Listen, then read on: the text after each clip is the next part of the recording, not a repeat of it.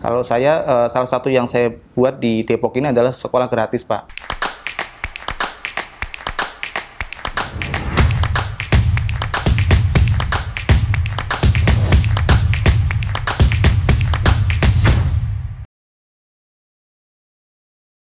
Bertemu lagi dengan saya dalam Frans Membahas. Kali ini tamu saya adalah Mas Hairul Saleh. Beliau adalah seorang pegawai kantor pelayanan pajak Palmerah, Kementerian Keuangan Republik Indonesia, dan juga merupakan seorang finalis atau top 10 dari ASN Inspiratif Pilihan Kemenpan RB.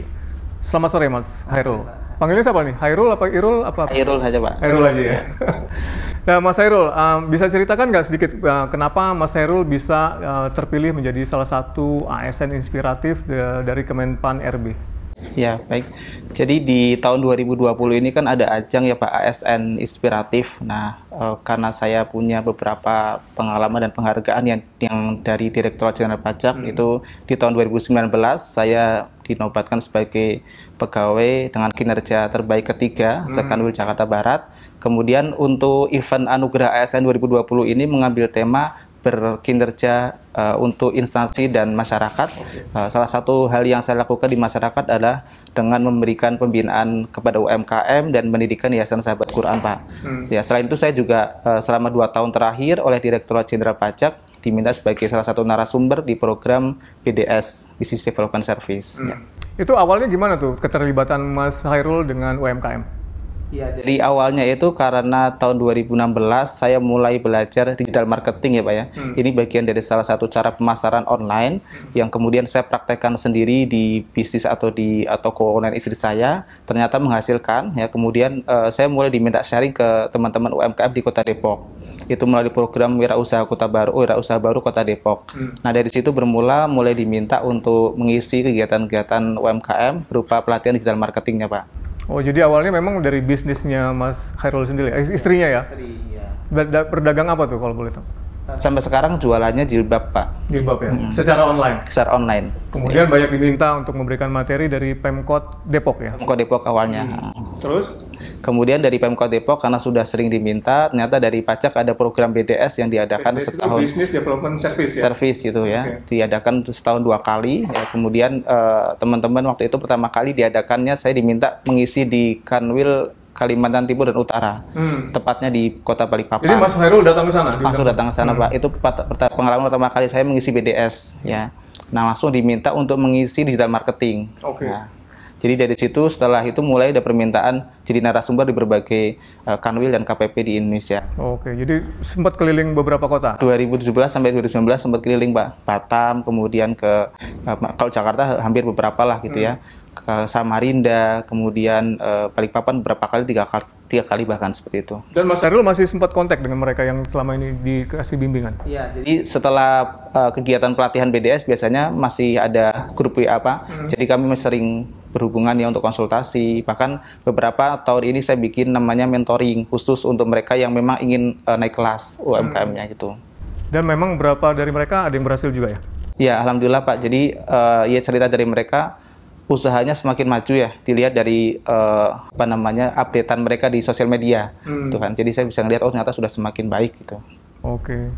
sebenarnya apa passionnya Mas Herul ini sehingga kok mulai dari dagang kemudian juga memberikan banyak pelatihan ya uh, saya suka dengan mengajar pak intinya oh. mengajar kemudian uh, mengajar UMKM apalagi saya paling suka karena ketika saya mengajar itu bertemu dengan mereka yang sedang berjuang untuk hidupnya sebenarnya yeah. ya jadi rata-rata uh, UMKM itu ibu-ibu rumah tangga ketika ketemu dengan mereka rata-rata yang mereka berusaha atau berbisnis itu karena memang kebutuhan ekonomi. Hmm. Nah, saya terketuk untuk membantu mereka, kemudian membantu biar usahanya semakin berkembang sehingga bisa mencukupi kebutuhan mereka sendiri gitu. Hmm. Kira-kira dari pertemuan Mas Herul dengan banyak UMKM, eh, kebutuhan yang paling mendasar dari mereka untuk, berkembang itu apa sih yang dibutuhkan oleh mereka itu? Ya selama tiga tahun terakhir itu setelah saya amati dan saya juga baca-baca riset dari teman-teman yang uh, marketing itu, ternyata hal yang paling bermasalah itu di mindset mereka pak. Hmm. Jadi mereka itu ya jualan sekedar jualan, yang penting kebutuhan ekonomi sehari-hari tercukupi, tapi tidak terfikirkan untuk bagaimana bisa membesar, bisa bermanfaat yang lebih banyak, bahkan bisa berkontribusi untuk negara melalui perpajakan itu pak. Nah akhirnya setelah saya menemukan eh, konsep yang paling eh, penting itu adalah di mindset, ya setiap kali saya mengisi pelatihan selalu poin mindsetnya lebih banyak. gitu. Oke. Terus re- respons mereka seperti apa? Biasanya mereka ada yang menangis, ada yang tergugah gitu Pak ya. Karena kan pas saya sadarkan nyata oh iya selama ini saya jualan cuma buat makan pagi sama siang saja. Nggak pernah terfikirkan untuk bisa anak saya harus kuliah, kemudian saya harus kontribusi untuk negara dan seterusnya. Iya. Karena mereka memang kebanyakan ibu-ibu tadi ya, dan juga memang untuk membantu suaminya atau eh, mengisi waktu luang gitu ya. Iya. Jadi belum terlalu serius untuk ini. Betul. Jadi usaha mereka hanya sekedar asal-asalan, nggak diseriuskan. Padahal kalau itu eh, mindsetnya dibenarkan, kemudian mereka sefokus bisa besar sebenarnya. Kalau dari sisi misalnya nih eh, diberikan kesempatan untuk memberikan masukan kepada Kementerian Keuangan atau Dijen Pajak, bagaimana supaya bisa ikut serta berpartisipasi mengembangkan UMKM tadi, kira-kira apa yang bisa kita berikan untuk eh, para pelaku UMKM tadi? Ya, sebenarnya di tahun 2019 kemarin kan kami sempat dikumpulkan Pak para pegiat UMKM yang termasuk dari beberapa kementerian di Bogor. Eh, namanya eh, UMKM Patriot untuk Negeri. Nah, sayangnya belum ada follow up dari situ. Nah, saya kepikiran itu harusnya terbentuk satu buah pedoman yang bisa dipakai oleh eh, DJP untuk mengembangkan UMKM bersama kementerian lainnya. Ya, di pedoman itu sehingga ya minimal kalau bayangan saya eh, juru sukses UKM gitu kan. Ketika UKM itu kita install, kita bikin pelatihan BDS, ya mungkin setahun dua tahun itu sudah besar. Ada target minimal omset, kemudian kontribusi pajak dan seterusnya.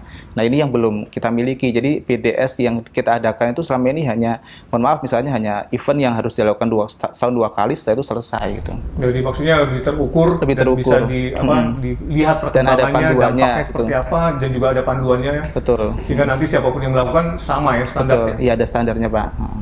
Oke. Ah, ini kita bicara tentang masa pandemi nih, Mas Khairul. Kan pasti banyak sekali uh, UMKM yang terdampak secara langsung ya. Kira-kira ada semacam tips nggak untuk para pelaku UMKM supaya bisa tetap survive di tengah pandemi ini? Ya ini memang pandemi ini efeknya sangat banyak ya dan eh, awal-awal pandemi saya sempat dapat curhatan yang cukup banyak dari teman-teman UMKM Pak jualan susah keluar jualan offline juga nggak ada yang beli jualan online nggak tahu caranya gitu kan. Nah, salah satu yang saya tekan kepada mereka adalah coba maksimalkan untuk saling membeli di sekitar rumahnya gitu kan. Karena sebenarnya kan mereka nggak boleh keluar rumah, kemudian kalau mau order pembelian keluar kan harus ada ongkos kirim.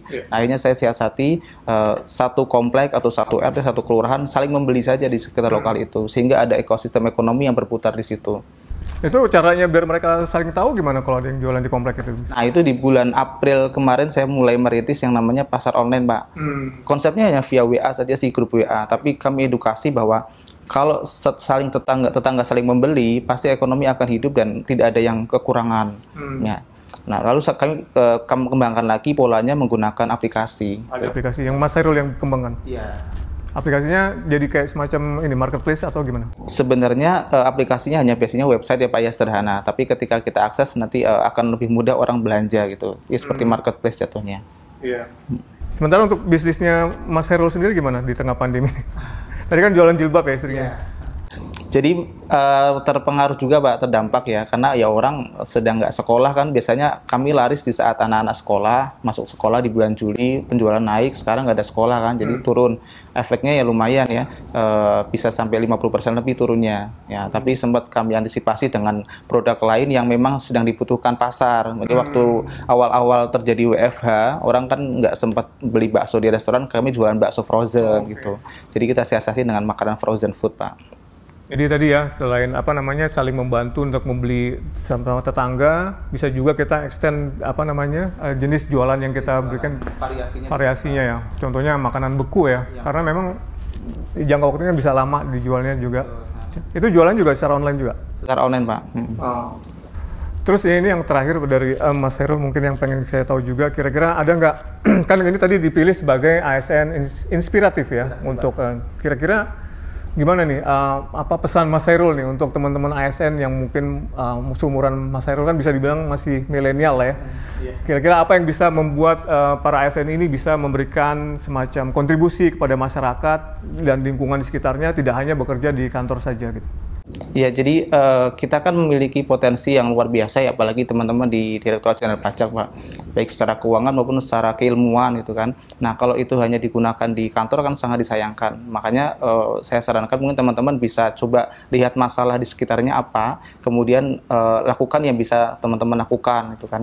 Kalau saya uh, salah satu yang saya buat di Depok ini adalah sekolah gratis, Pak.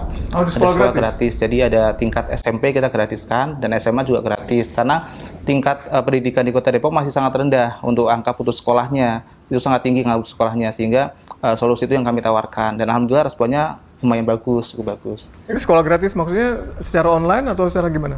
Sekolahnya offline biasa pak. Ya. Dari, dari tahun 2011 kami rintis, ya alhamdulillah. Dengan teman-teman sendiri apa? Dengan tetangga-tetangga sekitar oh, aja pak, yang punya passion yang sama, punya keinginan untuk memberdayakan warga sekitar gitu kan. Nah ini alhamdulillah, nah, tahun 2020 ini sekarang saya rintis beasiswa kuliah sampai selesai hmm. dengan program satu keluarga satu sarjana. Hmm. Ini ini sudah mulai baru satu orang sih yang daftar karena memang nggak mudah nyata orang-orang yang nggak biasa sekolah atau kuliah kemudian dipaksa untuk kuliah itu mindsetnya masih yeah. nyari kerja gitu pak. Wah, saya malah tertarik dengan yang sekolah gratis ini tadi nih. Eh, ini oh, ada sekolah beneran ya, SMP swasta ada. gitu? Uh, jadi kami kerjasama di Depok itu ada program namanya sekolah terbuka, Pak. Sekolah ini resmi menginduk ke sekolah negeri. Okay. Jadi nanti ijazahnya ijazah negeri. Hmm. Tapi kita boleh mengadakan pembelajaran sendiri di ruangan sendiri. Hanya ujiannya nanti mengikuti mereka. Oh, oke. Okay, okay. Kayak semacam apa istilahnya sekolah jarak jauh atau Tapi apa? bukan kejar paket ya Pak ya? Oh, bukan ya? Karena usianya harus usia sekolah. Kalau usia di atas usia sekolah kan harus kejar paket itu. Ya, jadi tidak heran kalau Mas Herul ini jadi pegawai inspiratif. Ternyata banyak sekali ya, nggak cuma jualan tapi juga bikin sekolah segala macam. Oke, uh, terakhir lagi nih sekali lagi nih. Mungkin cara bagi waktunya nih Mas, kan pasti uh, apa namanya sibuk di kantor kan, iya. terus ada berjagang juga, terus ngasih banyak apa namanya uh, training, kemudian juga punya sekolahan juga. Kira-kira gimana bagi waktunya nih? Tips untuk teman-teman yang mungkin ingin juga aktif seperti Mas Herul. Intinya uh, tidak boleh ada waktu yang sia-sia Pak gitu ya. Jadi ya kalau misalnya semua bisa diatur secara online ya saya kadang kalau yang secara online kayak misalnya lagi di jalan ya kita rapat gitu. Hmm. Atau sampai kantor saya biasanya lebih pagi dari teman-teman yang lain, kami rapat on online dengan yayasan, dengan mana seperti itu. Jadi berusaha untuk menghadirkan waktu-waktu yang ada itu optimal semuanya itu, Pak. Tidak sampai nganggur mau ngapain itu kebingungan itu. Tapi tanpa mengurangi apa namanya tanggung jawab dan ya. kondisi sebagai pegawai di Nah, kalau di kantor biasanya saya kejar secepat mungkin. Jadi kalau penerimaan pajak harus tahun saya bisa alhamdulillah 10 bulan selesai, Pak gitu. Hmm. Jadi intinya harus kerja cepat gitu kan biar nanti waktu yang tersisa bisa dikerjakan yang lainnya itu. Luar biasa nih Mas Herul. Jadi uh, banyak sekali inspirasi yang kita dapat pada sore hari ini. Terima kasih Mas Herul.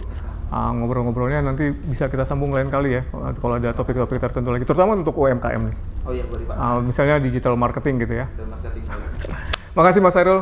Uh, terima kasih semuanya. Uh, thank you ya. Iya, sama-sama Pak.